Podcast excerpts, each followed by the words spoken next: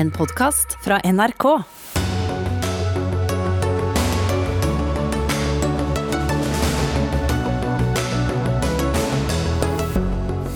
Nordmenn får koronasertifikat de kan bruke til å reise utenlands med innen begynnelsen av juni. Hyggelig for noen. Mens kulturlivet de frykter et skred av avlysninger etter dagens pressekonferanse fra regjeringen. Den pressekonferansen skapte mer usikkerhet enn sikkerhet, mener bransjen. Snart ankrer den første amerikanske ubåten opp i Tromsø. Det virker som om forsvarsministeren bare tenker storpolitikk og ikke på oss, sier nabo, som gjerne skulle visst mer om risikoen. Og Norges Mållag er skeptisk til dialekter i NRKs nyhetssendinger. Vi er fra hele landet og er til hele landet, svarer språksjefen i NRK, som mener det vil være feil å ikke speile dialektmangfoldet.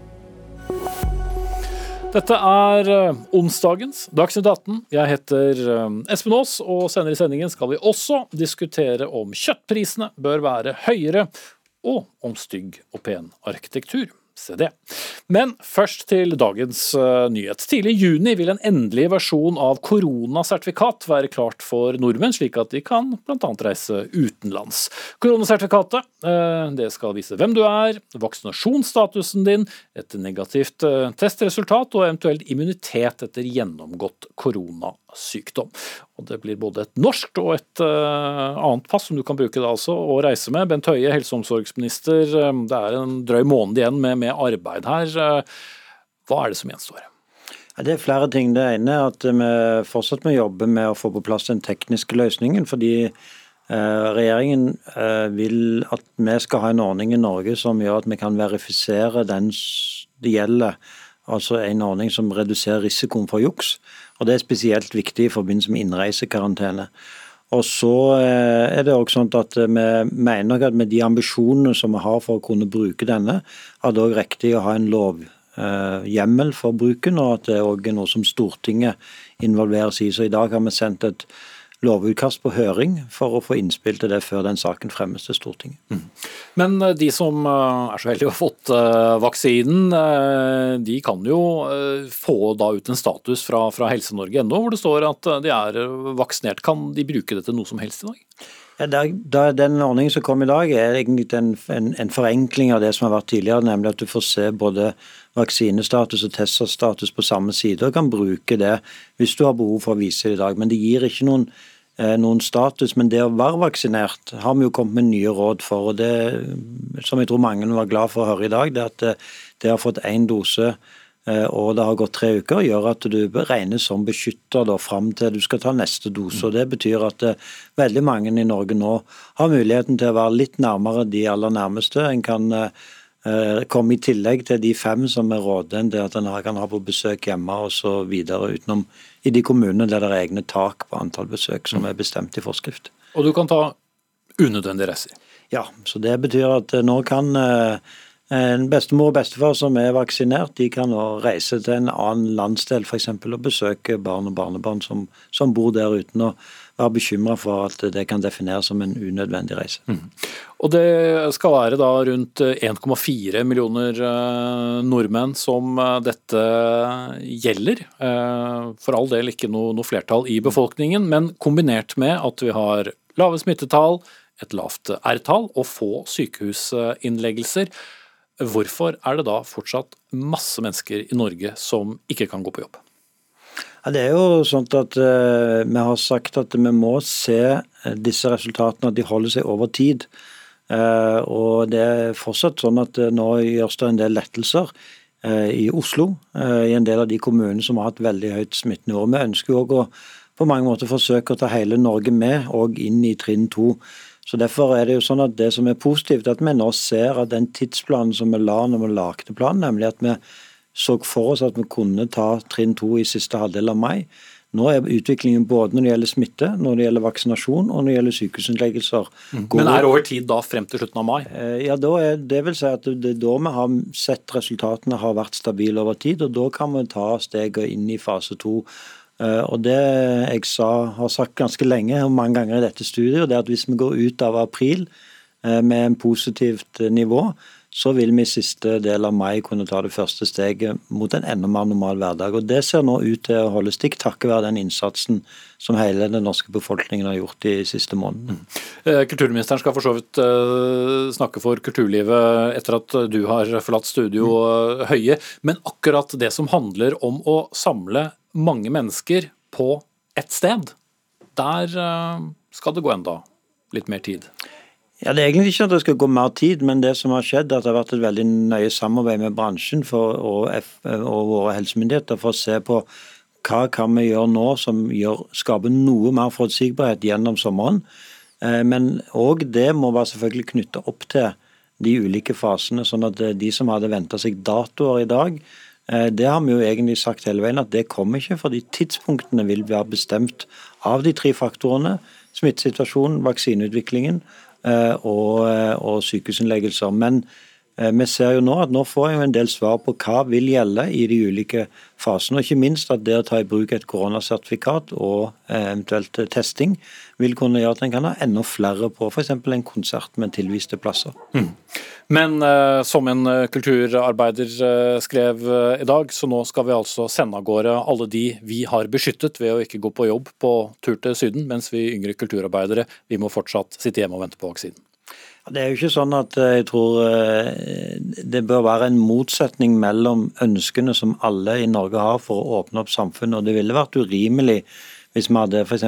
nekta fullvaksinerte mennesker å reise ut av landet og komme tilbake igjen uten å være i karantene, hvis vi faktisk kan kontrollere at de ikke representerer noen vesentlig risiko for, for, smitte. Det ville vært ganske urimelig å holde tilbake på det, fordi at noen eventuelt skulle mene at det var urettferdig. fordi ikke men, men mange reagerer på at uh, samfunnet ikke åpner opp uh, helt. Vi kan sende folk uh, ut på, på, reise, og mange får lov til å gjøre hva som helst. Men fortsatt så kan ikke restaurantnæringen eller kulturarbeidere som ikke har jobbet på veldig lang tid, gå tilbake til sine jobber. Selv om de som vi i utgangspunktet trengte å beskytte mest, nemlig de eldre og de med underliggende sykdommer, nå er vaksinert. Ja, men det er rett fordi at vi ser at denne sykdommen er òg veldig høy risiko for hvor mange under den alderen. Hvis veldig mange blir smitta på kort tid, eh, så ser vi at det blir alvorlig syke. Så det vil være avhengig av at vi har kommet lenger i vaksineringen. Og Nå er vi heldigvis i den situasjonen at vi vet at vaksinen òg eh, eh, beskytter opp mot videre smitte.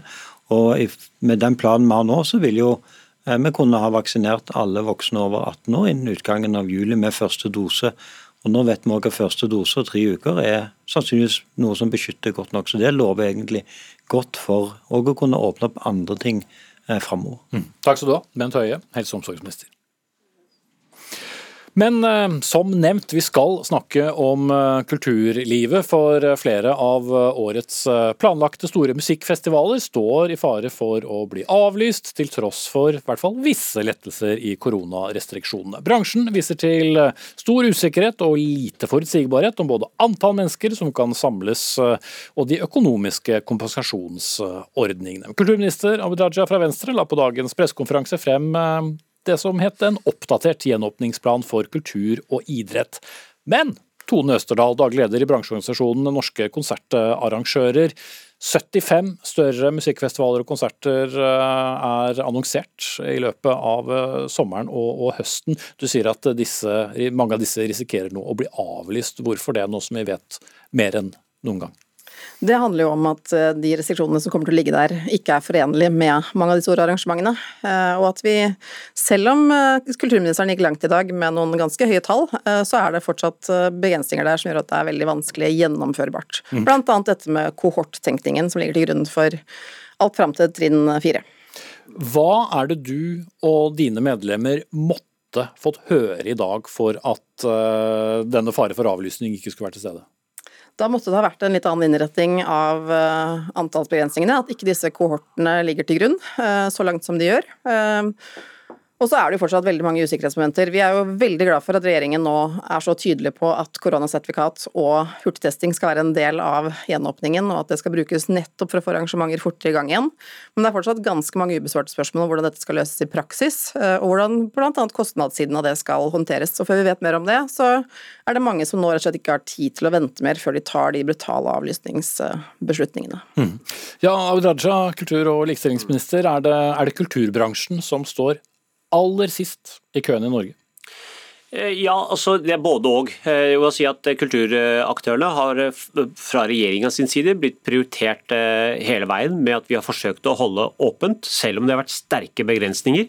Så er det ikke til å stikke under en stol altså at det var de første som stengte ned, og det er de siste som kommer til å komme tilbake til full mm. normalitet. Fordi at, så de står sist i køen? Ja, men sammen med også fotballstadioner f.eks. For fordi at det som vil si at du fyller stadion med 30 000, da, eller en festival med 30 000 uten, uten meter regelen, det er på en måte det som kommer til å komme sist. Det er liksom den vanskeligste og, og vondeste erkjennelsen. Eh, og Det er noe med konsekvensen av pandemien.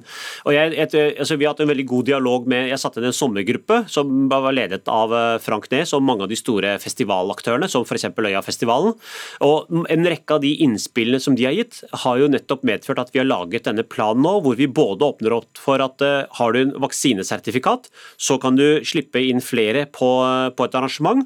og og Dersom du har vært uheldig og ikke fått vaksinetilbud ennå, så gjør vi ikke forskjell. Det betyr at du kan få ta et hurtigtest på vei inn, eh, slik at eh, det ikke blir et sånn A- og B-lag i Norge. At de som har fått vaksine, kan få dra på festival og arrangementer, men de som ikke har fått det, ikke kan komme inn. Men det er ikke til å legge skjul på, det blir ikke en normal festivalsommer som det var i 2019. Og det er ikke fordi det er vond vilje hos oss i regjeringa. Jeg som kulturminister, jeg skulle gjerne sett at eh, det kunne være full fest. og altså, Altså, vi kunne gi bånd pinne, men, men det, det, er, det, er, koronarestriksjonene og reglene som gjør at vi må ta dette gradvis. Mm. Men, vi, har åpnet opp ganske, vi kommer til å åpne opp betraktelig mer enn hvor vi er i dag. Mm. Men per nå, hvor mange kan gå på innendørskonsert, hvor mange kan gå på en utendørskonsert? Når det gjelder utendørskonsertene, det har vi nå skissert en plan for i dag. Det er litt komplisert for allmennheten å sette seg grundig inn i, det er ment for arrangørene. Eh, og eh, for dette er jo, Arrangørene er jo profesjonelle aktører, de forstår dette veldig godt. Men det ligger opp til altså Klarer vi å komme inn i trinn fire, så vil man kunne ha eh, opptil 10 000 eh, på et arrangement. Eh, men, men, det er langt frem i tid? Er er, det, ja, men det er, ikke, altså det er, ikke, så langt frem i tid hvis eh, vaksinasjonen tar seg opp. Det vi sier nå er at trinn to det kan inntreffe allerede i slutten av mai. Og Da er vi oppe i 2000 på et arrangement, forutsatt at man har eh, tatt i bruk et koronasertifikat eller hurtigtester. Og I trinn tre vil man maksimalt kunne ha 5000. Nettopp igjen da at man har hurtigtester og koronasertifikat. Så, men her er det en del usikkerheter. for det vi har erfart er at eh, hvis noen husker januar, eh, så kom plutselig det muterte viruset. Og så vet vi at eh, tiltakene har gått litt opp og ned, så det er med et forbehold. Men vi har stor tro på at eh, med at eh, norsk befolkning tar i bruk vaksinen, vi har heldigvis veldig lav vaksineskepsis i Norge, så vil det bety at vi også kan få flere på arrangementer. Utendørs, men innendørs, hvor mange kan du ha innendørs? Per nå så er innendørsregelen, med unntak av Oslo, som har egne regler, der er det jo helt nedstengt, så er regjeringas regler nasjonalt, der at du kan ha 100 på et arrangement. Og fra og med slutten av mai, når vi trer inn i trinn 2, så vil du kunne ha 200 på arrangement. Og samtidig med at vi kommer inn i trinn to, så har vi sagt at da kommer vi også samtidig i slutten av mai med regler for hva antallet vil gjelde for i trinn tre. Mm. Og hvorfor er dette vanskelig å planlegge ut fra Østerdal? Fordi det er en planleggingshorisont i bransjen som er ganske lang. Eh, du kan ikke bare komme tilbake på jobb som arrangør og så arrangere noe i morgen, eh, med mindre det arrangementet var planlagt lenge før du ble permittert, da, som er tilfellet for veldig mange. Og Den planleggingshorisonten den er det vanskelig å kombinere med de reglene og den mangelen på forutsigbarhet i, i, tidslinjen her, eh, som eh, regjeringen skisserer. Eh, og det er rett og slett Altså, vi alle skjønner at pandemien er uforutsigbar, at det er krevende for regjeringen også å sette disse endelige datoene. Men det vi da ønsket, var at den økonomiske siden av dette var langt mer forutsigbar enn det regjeringen har greid å sørge for til nå. Mm. Som har diskutert mange, men Jeg vil bare ta opp det som, som Raja nevner nå om den testingen. Mm. Hvordan ser dere i bransjen for at man skal kunne gjennomføre det? Det har jo en praktisk side som er ganske krevende, og ikke minst en kostnadsside. Så det er også et spørsmål som vi skal ta opp med regjeringen. Altså hvem, hvem skal betale regningen for det? Skal det inngå som en del av uh, stimuleringsordningen og få bli dekket gjennom det her, eller skal myndighetene ta regninga all together? Altså det er i hvert fall ikke mulig å legge det på arrangørene som har vært i en dyp krise i 14 måneder. For å teste 5000, alle vi som har gått mye på konsert vet jo det tidvis kan ta lang nok tid bare for å bli sjekket om du ikke har med deg ulovlige substanser eller opptaksutstyr og andre ting. Hvis du skal sjekke 5000 om de har koronasertifikat eller har feber? Ja, vi får jo håpe altså det, Jeg tror det å sjekke koronasertifikat vil jo gå mye raskere, for da har du en QR-kode akkurat som du har en billett som du skanner, og så er du på veien. Så Det er en annen, en, en annen type kø enn hurtigteste, så det er en mye vanskeligere kø å, å, administrere. Så kan jeg bare si på Når det gjelder økonomien, så har vi så langt stilt opp, stilt opp med 9,1 milliarder. Norge har de romsligste ordningene av noen annet land i verden. Og så har jeg i dag varslet, for i dag kom reglene på antall, og jeg har sagt at jeg trenger seks dager på å lande økonomisk innretning på disse pakkene. Jeg vil jo mene at det er, det er, det er, det er ganske kort tid, men vi skal klare det innenfor disse seks dagene. På neste tirsdag så skal jeg komme med også innretningen og økonomien på dette. Jeg skjønner at vi gjerne skulle lagt på plass allerede innretning på det nå, men det er akkurat disse spørsmålene som vi må se på. og Det jeg kan si er at eh, Per nå så tenker vi likt som dere, eh, som festivalbransjen også. Det er at eh, de kostnadene som er forbundet med å ha et smittevernregime på en, eh, et arrangement, det må inngå i den stimuleringsordninga. Og det betyr jo at det skal vi forsøke å bake inn. Så arrangørene skal ikke måtte stå for den kostnaden? Nei, altså det, det betyr altså Akkurat nå så er det jo veldig få som tjener penger på å arrangere en konsert. Også i normalsituasjon så kan det variere, men vi har lagt inn en parameter som gjør at du kan sitte igjen med 3% overskudd. Så så har vi jo betalt ut ganske mange penger. Før jul betalte vi ut nesten 700 millioner kroner til aktørene rundt om i mm. Norge. Men det er jo totalbeløp, og det er jo mange jo, er, mindre aktører som jo, eh, ikke bryr seg så mye om totalbeløp. Det er nesten 4000 som har fått eh, tilsagn, da. Altså og, det er, og det er ganske mange arrangementer som finner sted i Norge.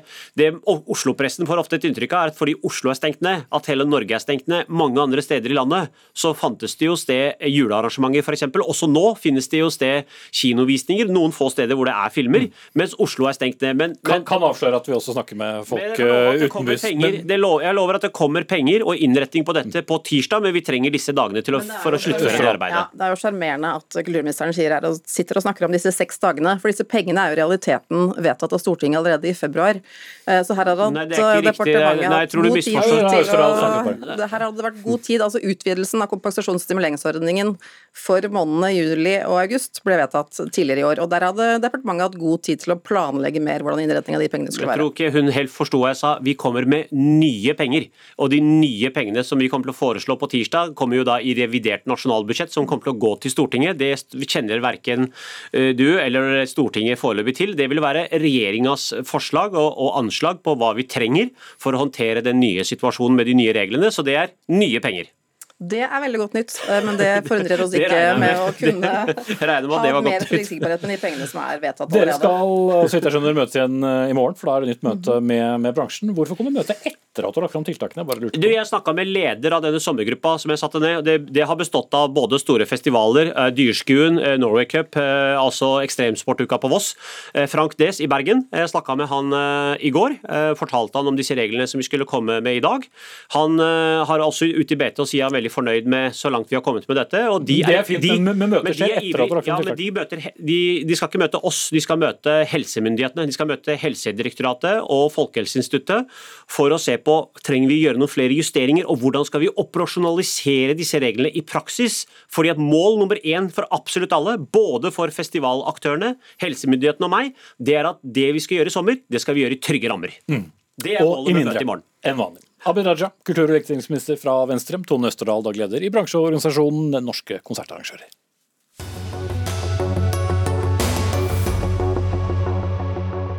Stygg eller pen arkitektur, det diskuteres stadig heftig om dagen. Men det er ikke vår skyld at så mange nybygg er blitt stygge, sier arkitekt, som peker på politikerne. Og dette skal vi ha debatt om om drøye 20 minutter her i eh, Dagsnytt 18. Men om ikke så lenge så kommer Norges venner i Nato med atomkraft til eh, Norge. Eller ikke atomkraft, men atomubåt. I løpet av våren skal nemlig den første amerikanske atomubåten ankre opp ved en sivil havn ved Tønsnes i Tromsø. I det området bor du, Ann Helen eh, Jacobsen. Gleder du deg? Ikke spesielt, hvis jeg får være helt ærlig. Hva er det du i så fall er bekymret for? Um, det jeg er bekymra for, det er jo at man skal, ikke skal få informasjon i forhold til uh, hva som skjer på havna, og hva som på en måte er planlagt og skal gjøres. Um, jeg er bekymra for at uh, de skal utvide aktiviteten uten at de på en måte gir uh, beskjed om det, fordi at dialogen har jo vært veldig dårlig fram til nå.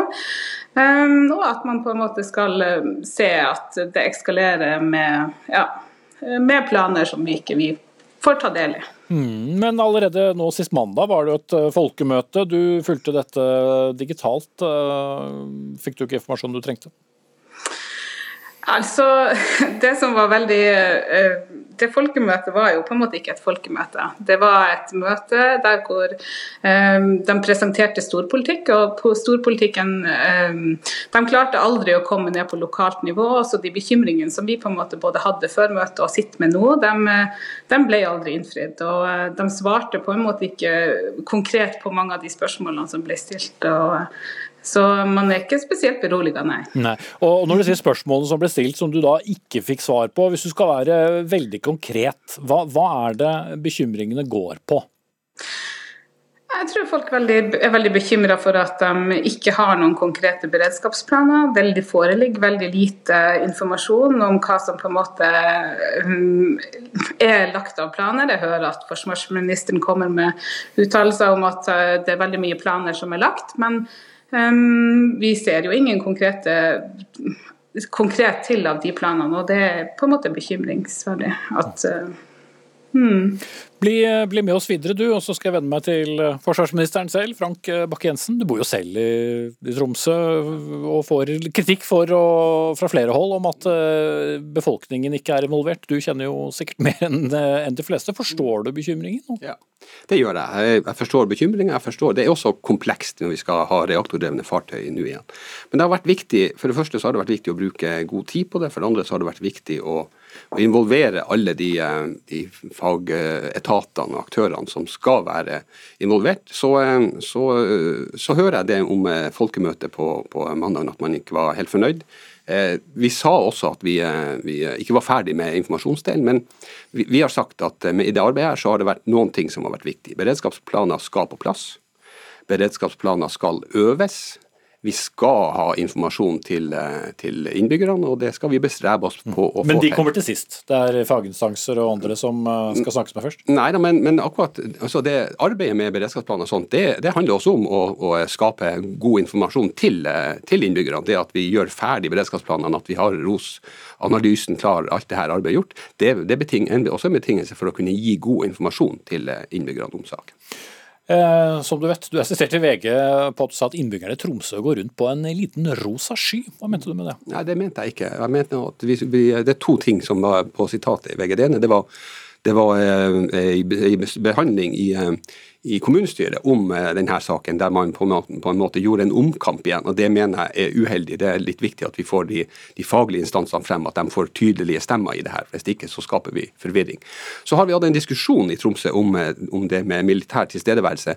Om at det er ikke noe vi trenger å ha der, det kan man ha andre plasser. Og Det var mitt eh, svar til VG. at Sånn kan vi ikke ha det. Det er nok sånn at, at vi også må ta vår del av, av beredskapen. Husk på at dette er, dette er ville aktivitet. det At vi har hatt allierte seiler, flyr og, og er med landstyrker sammen med oss, øver sammen med våre styrker, det er noe vi vil. Det er en forutsetning for eh, Nato-medlemskap og en viktig forutsetning for Forsvaret. Og Da får noen tåle å få atomubåter i nabolaget? Da skal vi eh, gjøre det på en sånn måte at det er, at det er trygt, og at, ikke, og, eh, og at vi tar ned den frykten som er i nabolaget. og Det registrerer jeg er en stor jobb som vi skal ta på alvor. Mm.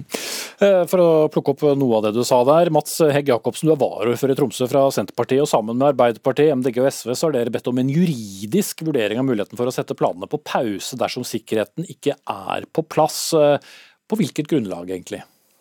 Nei, Det går jo på litt det eh, Frank Bakke-Jensen er inne på her. Jeg vil jo påpeke først at uh, vi har et flertall i kommunestyret som sier at vi ønsker å ønske våre allierte venner velkommen uh, ved Tønsnes havn. men så vært, registrerer vi også at det har vært mye urolighet i befolkninga, som også blir sagt først her. og Derfor har vi i kommunestyret tatt et nytt vedtak som ikke er en omkamp, men hvor vi faktisk ønsker en en uh, juridisk vurdering for, for, å se på uh, om vi har mulighet til å sette på en pauseknapp uh, hvis vi føler at beredskapen og sikkerheten ikke er på plass. Nå sier forsvarsministeren at alt nødvendig planverk er klart og at sikkerhets- og risikoanalysen er på plass? Ja, vi fikk jo ROS-analysen fra Forsvaret i februar. og Det er veldig kort tid for kommunen å jobbe, jobbe på, men vi har jobba hardt. Og vi har nå fått de punktene som kommunen har ansvar for på plass, foruten noen sånn jodtabletter som skal distribueres denne her uka. Men så kan jeg nevne en ting, at Sivilforsvaret, som har blant ett punkt som skal bistå med vask og rens, det utstyret og personellet det er i Harstad. Så det er jo et spørsmål som er hvor lang tid tar det før det kommer til oss? Og Det må vi ha svar på før vi kan på en måte si helt klart. Mm. Det er ikke akkurat uh, nabolaget, men, men uh, Bakke-Jensen, du har jo tidligere omtalt kommunens vedtak om en ny, ny vurdering som, som, amatørmessig. Hva, hva, mente du da? Jo, for at vi, uh, vi gjorde den juridiske vurderinga. Det, det, her gjelder havne- og farledsloven. og Den juridiske vurderinga er gjort eh, tidligere. Sånn at når vi eh, var kommet så nært det arbeidet her, så, så, så mener jeg at det, det, det, smaker av eh, omkamp, selv om de sier noe annet. Jeg, jeg, jeg, er helt enig i at vi skal ha de her tingene på plass. og Da er det viktig at vi eh, er klar på hvem som har ansvaret for de forskjellige tingene. Og Når Direktoratet for strålevern og atomsikkerhet eh, går igjennom det og gir et eh, klarsignal, da har man sjekka ut alle de tingene. Selv om materiellet er i Harstad når det burde være i Tromsø? Jo, men det det, jo, det, kan være i Harstad nå, og så kan det være i Tromsø når vi trenger det. Det er jo også sånn at Forsvaret stiller med betydelig utstyr ved et sånt anløp. Så det her er mange aktører i, i sving, og det er nok det som ligger til grunn for den, den godkjenninga fra DSA. Eh, og så er jeg opptatt av at vi, vi, eh, vi, skal frem de ROS-analysene, vi skal frem de vurderingene som, eh, som, er gjort av fagetatene. For at det er det som forteller oss eh, både hva risikoen er, og hvordan man begrenser konsekvens av eventuelt. Hva er risikoen? Ja, altså den, eh, det Worst case-scenario det er jo et, en nedsmelting av en, eh, en eh, reaktor i en, i en, sånn båt. Og så er det laga prosedyrer for hvordan man skal takle det. Og har, Her har det vært mange teorier om hva som i utgangspunktet kan skje, mens det jeg sa har et, et begrensa scenario som de mener det er mulig å takle.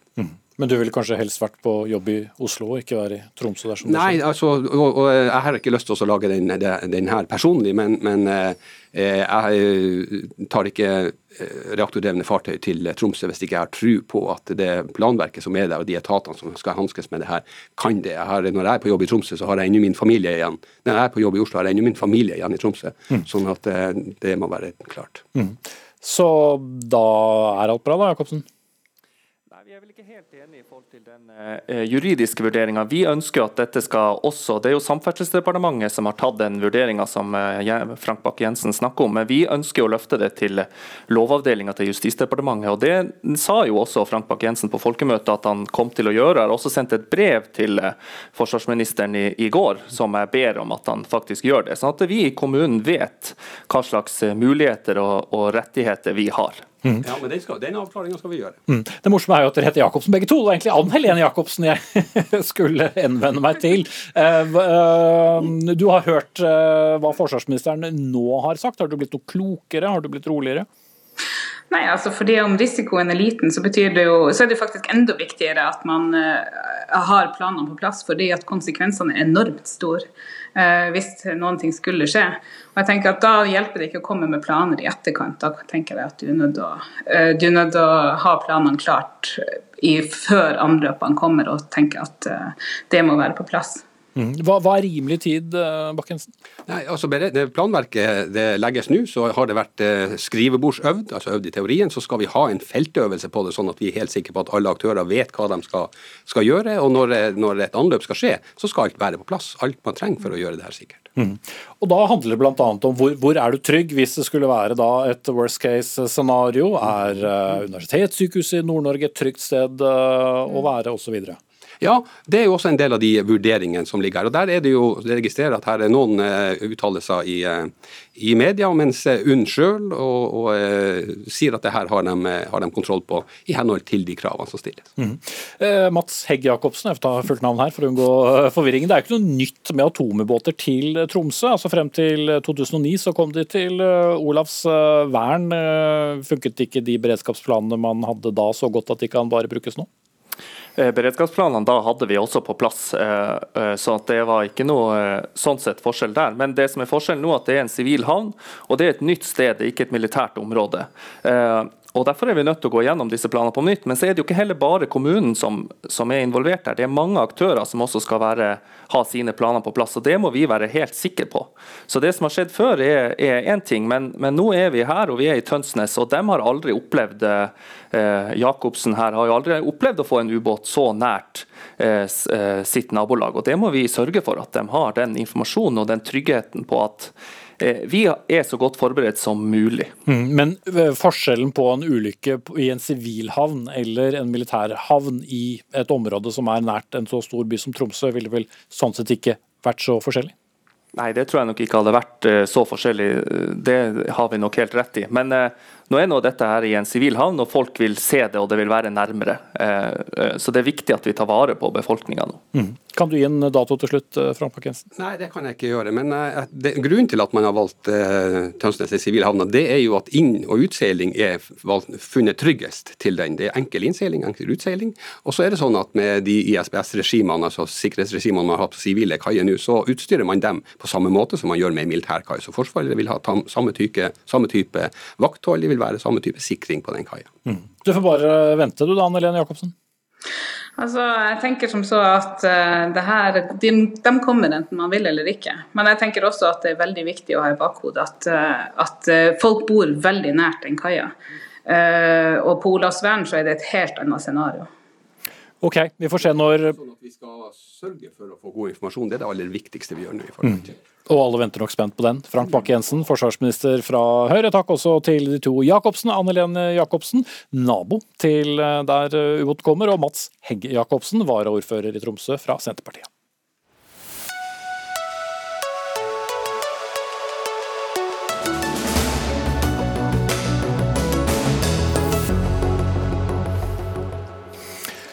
Biffen blir dyrere, kunne vi høre i NRK Radio forleden. For å nå klimamålene i 2030 vil regjeringen nemlig tredoble CO2-avgiften til 2000 kroner per tonn. Og Det i seg selv gjør at noen matvarer blir dyrere, bl.a. blir rødt kjøtt 3-4 kroner dyrere kiloen, viser utregninger som NRK har fått gjort. Vi skal gå inn i de utregningene om veldig kort tid.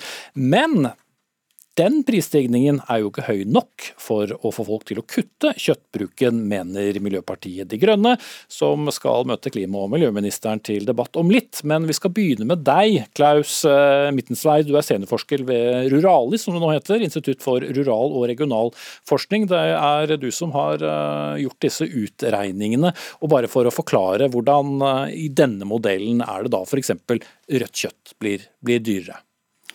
Beregningene er basert på pris og utslipp på et stort utvalg matvarer, sammenstilt av Bob von Naat, Cicero-forsker, i et prosjekt som heter Platon, finansiert av Norges forskningsråd. Den prisøkningen som vi har beregnet, den tilsvarer da forskjellen mellom dagens avgift på 590 kroner og regjeringens forslag på 2000 kroner per tonn CO2. Mm. Um, og Da har vi tatt med de utslippene som um, omfatter hele verdikjeden for mat etter bonden. Så det vil si i matindustrien og fra transport fram til butikken mm. hvor du er i handler mat. Ja, Så idet kjøttet eh, fraktes fra gård, eh, eller i hvert fall til, til foredling og tilbake til, eh, til, butikk, så det handler mye om selve transporten, ikke utslipp fra f.eks. dyrene, som jo også er en, en diskusjon.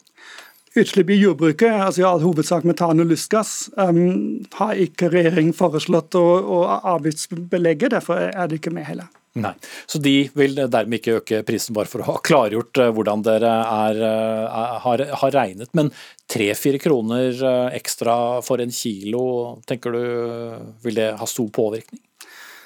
Vi vil nok ikke regne med at det fører til store kostholdsendringer. Um, for storfekjøtt, for befolkning under ett, så kan det bli 1-2 redusert forbruk. Mm.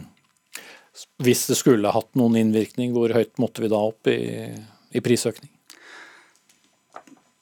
Det er et godt spørsmål. 20 um, um, viser undersøkelser. Der begynner folk å, å tenke seg om om de skal gå over til andre kjøttslag eller andre produkter. Mm.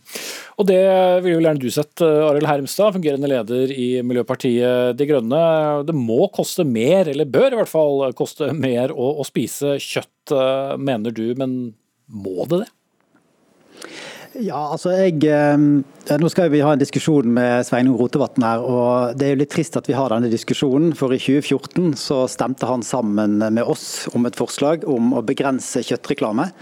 Eh, og Da sa Rotevatn ganske treffende at eh, de statlige avgiftene de bør innrettes på en smartere måte enn det de er i dag. Vi bør innføre full moms på kjøtt, og så bør vi fjerne momsen på frukt og grønt. Og Det er et forslag som jeg er veldig for. Det er også et forslag som ville betydd at man eh, adresserte de høye utslippene som er fra kjøttforbruket vårt. Eh, det har også Klimakur, som Rotevatn fikk bestilt i fjor, eh, en stor rapport, viste at det var et av de mest effektive tiltakene. Og Dette kunne altså Rotevatn gjort, men istedenfor så stemte han sammen med en rekke andre partier for en strutsepolitikk som sier at vi skal ikke røre kjøttprisene. Eh, som okay. en del av klimapolitikken. Og Det er det vi må gjøre noe med, tenker vi. Så betyr det Rotevatn, klima- og miljøminister, at 2014-utgaven og 2020-utgaven av deg er uenig? Nei, det gjør det ikke. For Vi har nettopp lagt fram en klimaplan der vi eh, som en del av den eh, har en omfattende plan for hvordan vi skal redusere utslippene fra jordbruket kraftig, med 4 millioner tonn eh, i klimagasser i løpet av den neste tiårsperioden.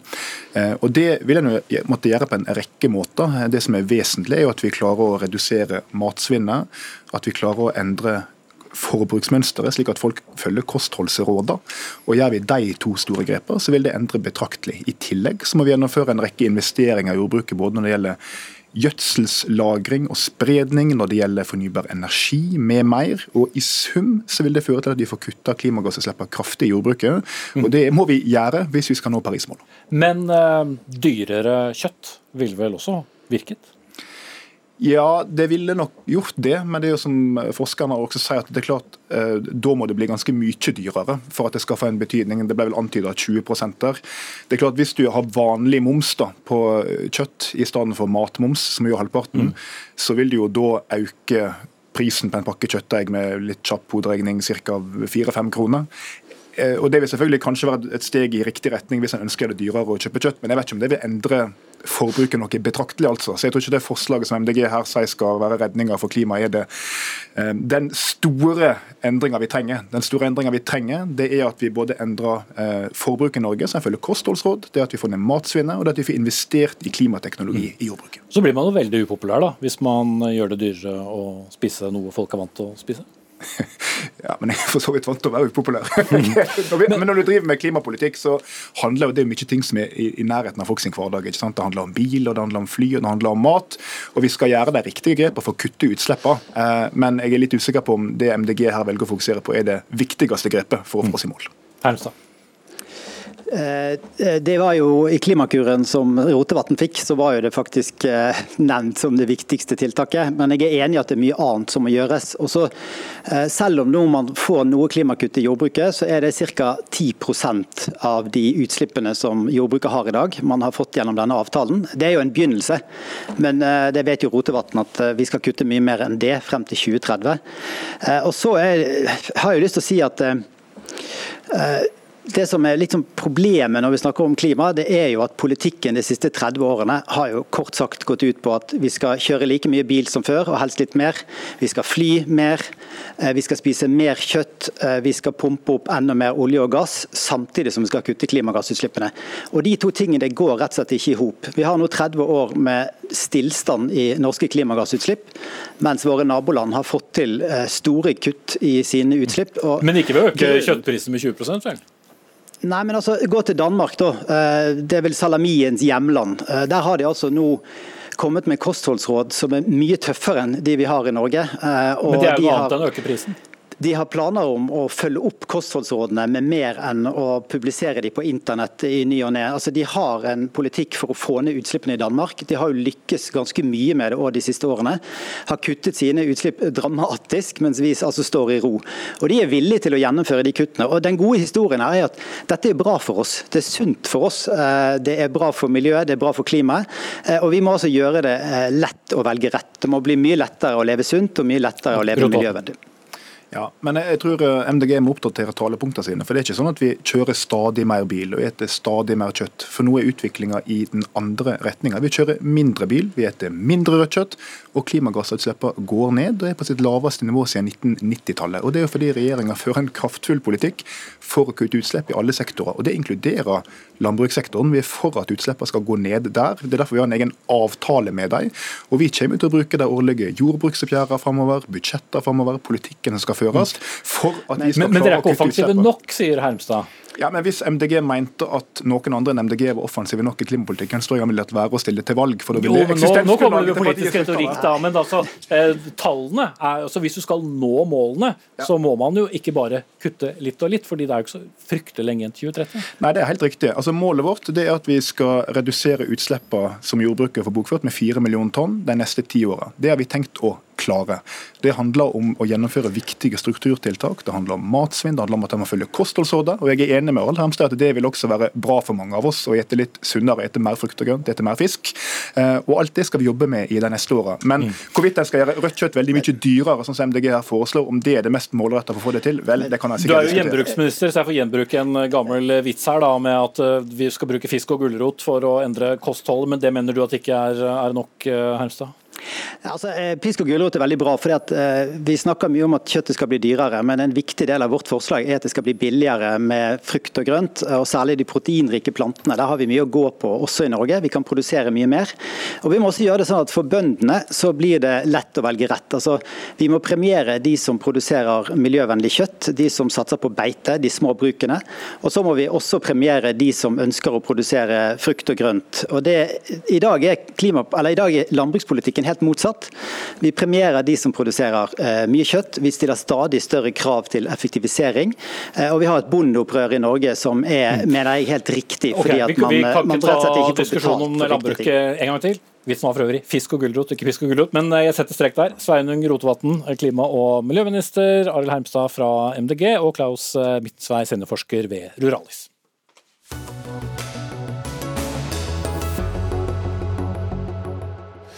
Fifty Shades of eh, Grey, eller 50 nyanser av grått, eh, om du vil. Ja, vi skal ikke eh, over til litteratur, men arkitektur. For mange vil nettopp beskrive mange nybygg som blir oppført rundt omkring i landet, som nettopp mange nyanser av grått. Og mange har også rettet skytset mot arkitektene, som ligner hverandre med sine klosser, eller byggene som ligner hverandre, med mye betong og glass og flate tak. Men det er ikke bare arkitektenes skyld nødvendigvis, skriver du i en ytring på, på NRK. Gisle Løkken, du er president i Norske arkitekters landsforbund. Vi er jo glad i å finne syndebukker. Hvem er det som har skylda da? Ja, Da tror jeg vi må lete dypt og bredt. Eh, Først vil jeg jo si at eh, vi arkitekter er kanskje like bekymra for at eh, utviklingen går i kanskje litt feil retning, som eh, si, folk flest eh, gir uttrykk for. Og vi prøver jo å gjøre noe med det. Men vi det er ikke dere som tegner det, byggene? Jo da, arkitekter tegner bygg, men eh, byutvikling og bybygging er veldig komplekst. Og det er veldig mange som tar beslutninger og legger kan si, de rammevilkårene da, for hvordan byer skal se ut, og hvordan bygg skal se ut. Eh, Så, du må bare, bare forklare den sammenhengen, for er det da eh, lokale myndigheter som sier vi vil ha tegnet noen, noen grå klosser? Alt starter i politikken. Alle vedtak, alle beslutninger, alle kan si, handlingsrommet som gis, starter i politikken. Og alle, alle bygg som bygges, bygges på grunnlag av en plan. Så, så eh, dette, og dette er lange prosesser som involverer eh, arkitekter, men det involverer politikere, det involverer utbygger og eh, ut, finansiører osv. Sånn. Til slutt så kommer, altså Det koker jo ned til kompetanse òg, da. Og vi er jo veldig opptatt av at skal vi klare å gjøre noe med det, for vi anerkjenner problemstillingen, så må vi ha kompetanse inn i disse prosessene. da. Og det er det ikke i dag? Jo, det er kompetanse i dag, men vi har jo hatt en prosess der f.eks.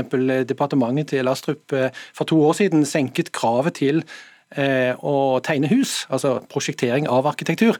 eh, Fra å være det som vi sier er en femårig master i arkitektur, til å bli en toårig fagskole. Det mener jo vi er alvorlig bekymringsfullt. da. For da sier vi at vi skal ha høyere kvalitet, som alle vil ha. Og politikere og folk flest sier at vi vil ha høyere kvalitet. Men med lavere kompetanse. Med lavere kompetanse, ja. Nikolai Astrup, kommunal- og moderniseringsminister fra, fra Høyre. Føler du skyld? Vel, eh, Det er jo et sammensatt bilde, dette her. Og eh, Kommunene har jo både frihet til og handlingsrom, altså ansvar for, å sørge for at eh, vi får til gode byrom, og at vi får til det estetiske. Dette er jo en del av formålsbestemmelsen i plan- og bygningsloven. Så kommunene har my et mye større handlingsrom her enn det det virker som de benytter. For jeg er jo veldig enig i at de siste årene så har det bygget veldig mye som er ensformig og som er eh, platt, kjedelig og som eh, Stygt? Jeg vil ikke gå inn i stygt og pent-debatten, men, men, jeg tror så, så, har på en måte arkitekturopprøret sagt at vel, vi må tilbake til 1800-tallsidealet, som den, den, klassiske arkitekturen. Jeg tror det er fullt mulig med samtidsarkitektur å få til de kvalitetene som folk setter pris på, nemlig gode byrom, trivsel, nærhet, Eh, og spennende arkitektur som, som både utfordrer og engasjerer. Jo, jo ser det, men, men hvis det da kreves lavere kompetanse nå enn før, Føler du at det gjør det tryggere å nå det du sier, eller mindre trygt? Jeg tror dessverre at denne problemstillingen ikke har så veldig mye eh, med det som Arkitektforbundet her tar opp å gjøre. Fordi eh, det er riktig at vi anerkjenner fagskole som en utdanning i dette landet. Eh, og vi, frem til 2016 så var det slik at toårig fagskole det, det var en godkjent utdanning. Og så var det mellom 2016 og 2018 en annen tolkning av regelverket, og så har vi da i 2018 gått tilbake til tolkningen fra 2016. Men det har altså ingenting med kvaliteten på de byggene som står der å gjøre. Det er godt ivaretatt uansett. Så det har ikke noe å si om du har en arkitektutdannelse jo, eller ikke? Jo, men i forhold til hvem som gjør hva. Altså, eh, Folk som har gått på fagskole har også et verdifulle bidrag inn i disse prosjektene. Men eh, kravene til kvalitet ligger jo der objektivt sett uansett. Mm, ja, altså, eh, Vi anerkjenner fagskole som et veldig viktig utdanning, for all del. Men eh, hvis du kan tenke deg at for går du 10, 20 eller 30 år tilbake i tid, så, så, gjorde jo arkitekten eh, det meste av det som eh, var, dreide seg om å tegne bygg. I dag så kan du splitte det opp i ti fagområder som kan dekkes inn kanskje delvis da av spesialister på fagskoleutdanning. Men eh, det er bare arkitektutdanningen som gir Eh, kompetanse i romlig estetisk forståelse. Og Det bruker man altså fem år på i en ganske kompleks eh, utdanningssituasjon for å trene seg opp i. Det er en veldig veldig viktig utdanning som, eh, og en kompetanse som vi mener samfunnet må ha inn i disse prosessene. der. Så vi er jo veldig bekymra. Og du kan si, vi mener jo veldig sterkt og kan dokumentere mener vi da, at du kan ikke sette sammen ti spesialutdanninger på to år og få en arkitektutdanning på fem år. Mm. Kan pris kanskje også ha noe med Pris? svar her å gjøre? Hva offentlige myndigheter mener man skal eh, kunne bygge, og hva en arkitekt ønsker at eh, man skal bygge? Det er ingen tvil om at vi trenger eh, god og tung kompetanse inn på disse områdene. Og, men samtidig så ser du at det er jo i de største byene at det nå trekkes frem grelle eksempler på, på, på dårlig arkitektur, for å si det på den måten. Det er et og annet kjøpesenter jeg har sett rundt i ganske små byer i, i Norge som ikke er så populære også. Ja, men Det er nettopp det som er poenget. fordi I de største byene så har vi jo tilgang på den kompetansen. Vi har arkitekter, vi har store eh, kontorer med mange ansatte i kommunen som nettopp vurderer disse spørsmålene. Mens de, i mange av våre 356 kommuner så er det jo ingen kompetanse på dette området i det hele tatt. og Det er en mye større utfordring. Men hvorfor er det ikke det? Eh, nei, Det skyldes jo dels at det er veldig vanskelig å tiltrekke seg den kompetansen. Jeg hadde møte med en del kommuner eh, i forrige uke, store kommuner med få innbyggere. og Da sa en rådmann til meg at i denne kommunen så har vi en helse- og sosialavdeling. Den består av én person, og det er for tiden meg.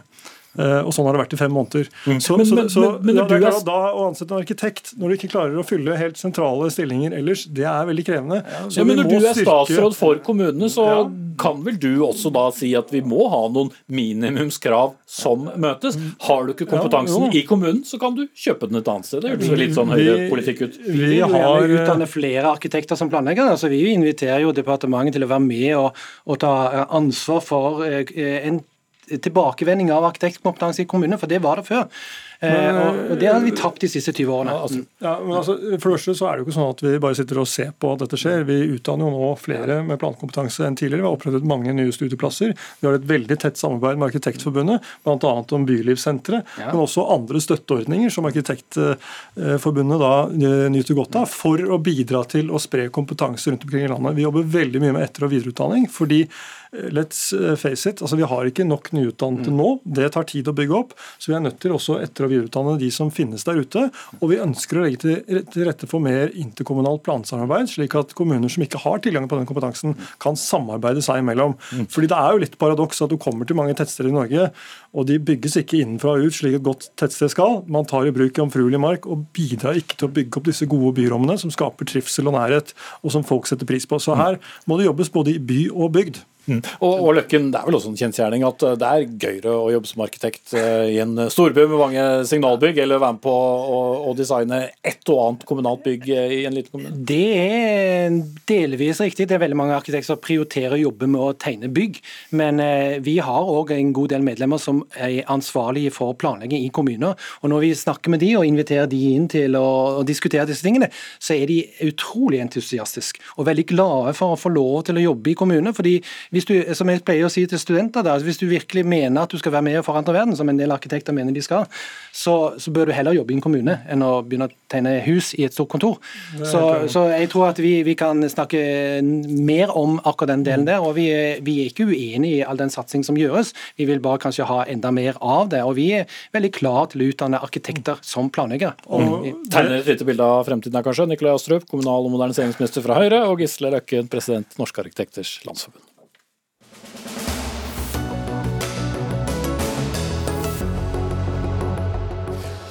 Så skal vi eh, snakke om eh, oss selv, nemlig om eh, NRK. Og ikke bare det, men også om hvordan vi snakker. For Noregs Mållag de er skeptiske til at dialekter nå i større grad slippes til i nyhetene i selveste Norsk Rikskringkasting. Nylig er det blitt gjort eh, unntak for enkeltmedarbeidere som har søkt eh, sine redaksjonelle ledere om å få bruke dialekt fremfor et eh, normert bokmål eller nynorsk, som flertallet bruker som bl.a. programledere i radio og TV. Men Peder Lofnes Hauge, Lofnes Hauge, du er leder av Noregs Mållag. Hvorfor er det problematisk med dialekt i NRKs nyhetssendinger? Altså, Vi heier på de norske dialektene, det er ikke det mye eh, tvil om. Men det er også viktig for oss at innbyggerne får høre korrekt eh, nynorsk i sine altfor bokmålsdominerte eh, hverdager. Og NRK er, og har eh, vært, og bør være, eh, den kanskje viktigste leverandøren av normaltale, både på bokmål for så vidt, men også på nynorsk. Derfor mener vi at programlederne i nyhetssendingene på NRK skal bruke eh, normert eh, eh, tale. Hvorfor går det utover nynorsk at det snakkes dialekt? Altså, Nynorsk er jo det mindre brukte av de to offisielle skriftspråkene. Så det er klart at nynorskbrukerne har om mulig enda større behov enn bokmålsbrukerne for å se og høre språket sitt i hverdagen. Det er viktig både for innlæring av språket, men ikke minst for å holde på språket. Og det er sånn at alle språkbrukere trenger å høre språket sitt. Alle språkbrukere trenger språklige forbilder. Eh, og Ankra i NRK Dagsrevyen er definitivt slike språklige forbilder. Og det er et ansvar som hviler på NRK, at de kan være det for nynorskbrukerne også i framtida. Skal straks slippe til språksjefen i NRK, men jeg må jo bare spørre. Det er jo ingen som snakker nynorsk eh, i Norge, så hvorfor skal man, hvorfor skal man høre et skriftspråk? Jeg tenker at det, eh, Som den eh, samnemneren for de norske talemålene som det nynorske skriftspråket er, så er det også viktig å høre hvordan det høres ut når det blir lest opp for eh, språkbrukerne som bruker nynorsk som eh, sitt skriftspråk. Så det er klart at En må gjerne ha et dialektpreg på den normeringa, enten det er vestnorsk klang eller østnorsk melodi, men hovedregelen må være at det skal være eh, normert tale med de klare klare eh, skrivereglene som er knytta til det språket. Det tror jeg er viktig for eh, språksamfunnet Norge. Da Karoline Riise Kristiansen, skal jeg introdusere deg, for du er da språksjef her i NRK. Så jeg bare understreke, så skal du slippe å si det selv, at det er ikke du som bestemmer hvem som skal få lov til å snakke dialekt, eller om man skal holde seg til et normert bokmål eller nynorsk. Men du skal jo bl.a. passe på bl.a. denne nynorske andelen, både hva som skrives på nett og sies på radio og TV. Er du bekymret for eh, nynorsken? Ja, det er jeg. Jeg er bekymra for nynorsken generelt. Mm. i Men kan det norske økt bruk av eh, dialekt eh, gjøre at vi hører enda mindre nynorsk i NRK-sendinger enn vi gjør i dag? Det er ikke jeg helt sikker på. Eller der er ikke jeg helt enig med mållagslederen. Fordi at det er stort sett de som kommer fra dalstrøk eller fra Trondheim og nordover, som snakker dialekt, Så ellers ville ha normert mot bokmål, så vil snakke dialekt. Så da er det ikke så stort problem, da? Hauge? Jo, det er et stort problem. Hvis du tar NRK Dagsrevyen i dag, så er det faktisk bare Ingvild Bryn som normerer til nynorsk. Hun har sterke skuldre, men hun kan ikke bære dette alene. Eh, og det er klart at eh, ja, det kan hende at enkeltmedarbeidere eh, som ønsker å snakke eh, på dialekta si, heller ville normert mot bokmål. Det kan skje, det motsatte kan også skje. Men vi kan ikke komme i en situasjon der eh, innbyggerne i Norge, når de hører på riksdekkende nyhetsprogram fra Statskanalen, enten blir eh, eksponert bare for bokmål eller dialekter, og ikke nynorsk normert tale. Og det er, et, det er jo et ansvar som, for en heilskap her som NRK er nødt til å ta når de får denne type fritakssøkninger søknader, og når eh, medarbeidere i NRK eh, bytter beite. Mm. Og Det er vi selvsagt helt helt enig i. Og Det er viktig å slå fast at det har ikke skjedd noen dialektrevolusjon i NRK de siste ukene. Hoved, eh, hovedpunktet er det at det skal snakkes normert eller offisielt bokmål eller nynorsk i eh, NRK-nyhetene og i Dagsrevyen. Eh, og at vi har et helt særskilt eh, ansvar for det norske språket, og ikke minst for nynorsken. Det det ansvaret er vi oss bevisst, og det skal heller ikke være slik at det er Ingvild Bryn som er den eneste NRK Nyhetene som snakker normert, og det er det heldigvis heller ikke. Der er flere som snakker normert, men i Dagsrevyen så har Lofsnes Hauge helt rett. Da er det Ingvild Bryn som snakker mm. normert. La, la oss holde navn uh, utenfor, selv om uh, vi alle kjenner uh, Ingvild Bryn. Men det er jo ikke sånn at det er en mengde medarbeidere, så vidt jeg har forstått, Hauge, som søker om å bruke dialekt. Så vidt jeg skjønner, så er det ingen som har søkt om fritak siden 2009, før det kom nå en nylig søknad?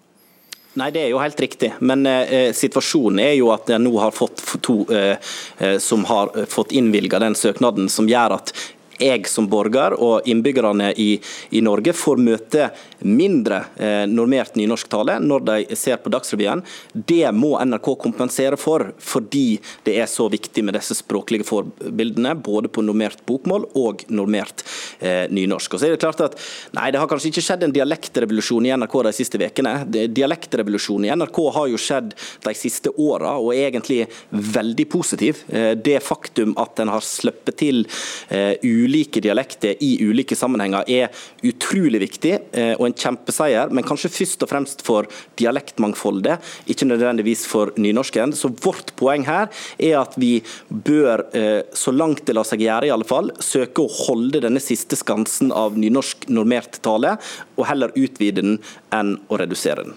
Hvorfor er det viktig at enkeltmedarbeidere skal få snakke dialekten sin, og ikke høre holde seg til normert bokmål eller norsk? Ja, jeg, vil bare, jeg vil bare si en ting, at det er bare én eh, programleder i Dagsrevyen som har fått unntak fra normert, eh, og det skjedde i 2009. Det unntaket som er kommet nå, det er for direktelinja i NRK, der en sitter uten manus time etter time og nyhetsoppdaterer. Det, det er en litt viktig forskjell. For det er klart det at det er eh, viktig å ha den normerte nynorsken, men når du sitter liksom og oppdaterer time etter time, så blir det vanskeligere som formidler. Og så er det det med dialektene. Og da er det heller ikke manusbasert? Da er det heller ikke manus, og det er veldig viktig å få sagt. Eh, og vi skal jo ha et korrekt og konsekvent og forståelig språk, eh, så det er viktig for oss. Og dialektmangfoldet i Norge vi åpna for dialekter allerede i 2007, og nå er det disse to unntakene i hele NRK Nyhetene som har blitt eh, vedtatt. Mm. Veldig kort til slutt, Hauge. De fleste har jo en dialekt. Hvorfor eh, er det et problem at de speiles i NRK? Eh, Det er ikke et problem, og det blir det jo i NRK. Men jeg ønsker eh, at vi beholder de flatene der vi faktisk har fått hørt eh, korrekt nynorsk og bokmål. Okay. Jeg runder av der på egen dialekt, hvis jeg husker hvordan den er. Jeg avslutter debatten her. Koselig at dere kom. Viktig for mange gutter og jenter der ute, ikke minst alle som er i konkurranse om å få seg jobb her i NRK. Ansvarlig for sendinga, Anne Katrine Førli. Teknisk ansvarlig, Lisbeth Sellereite. Jeg heter Espen Aas. Vi er tilbake igjen i morgen.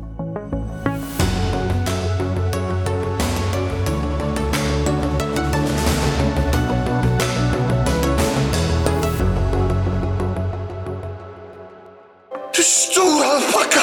Før så samla vi oss for å høre på radioen. Nå lytter vi på hva vi vil, når vi vil, og mest for oss sjøl. Podkast fra NRK. Vi lytter for å fylle ventetid, bli underholdt, oppdatert og litt klokere. Vi lytter for å la oss bevege av sterke historier. Eller bare av musikk. Så selv om mye har forandra seg, er det viktigste som før.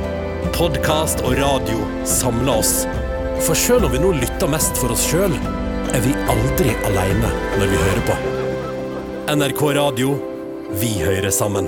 Hør podkaster og din NRK-kanal i appen NRK Radio.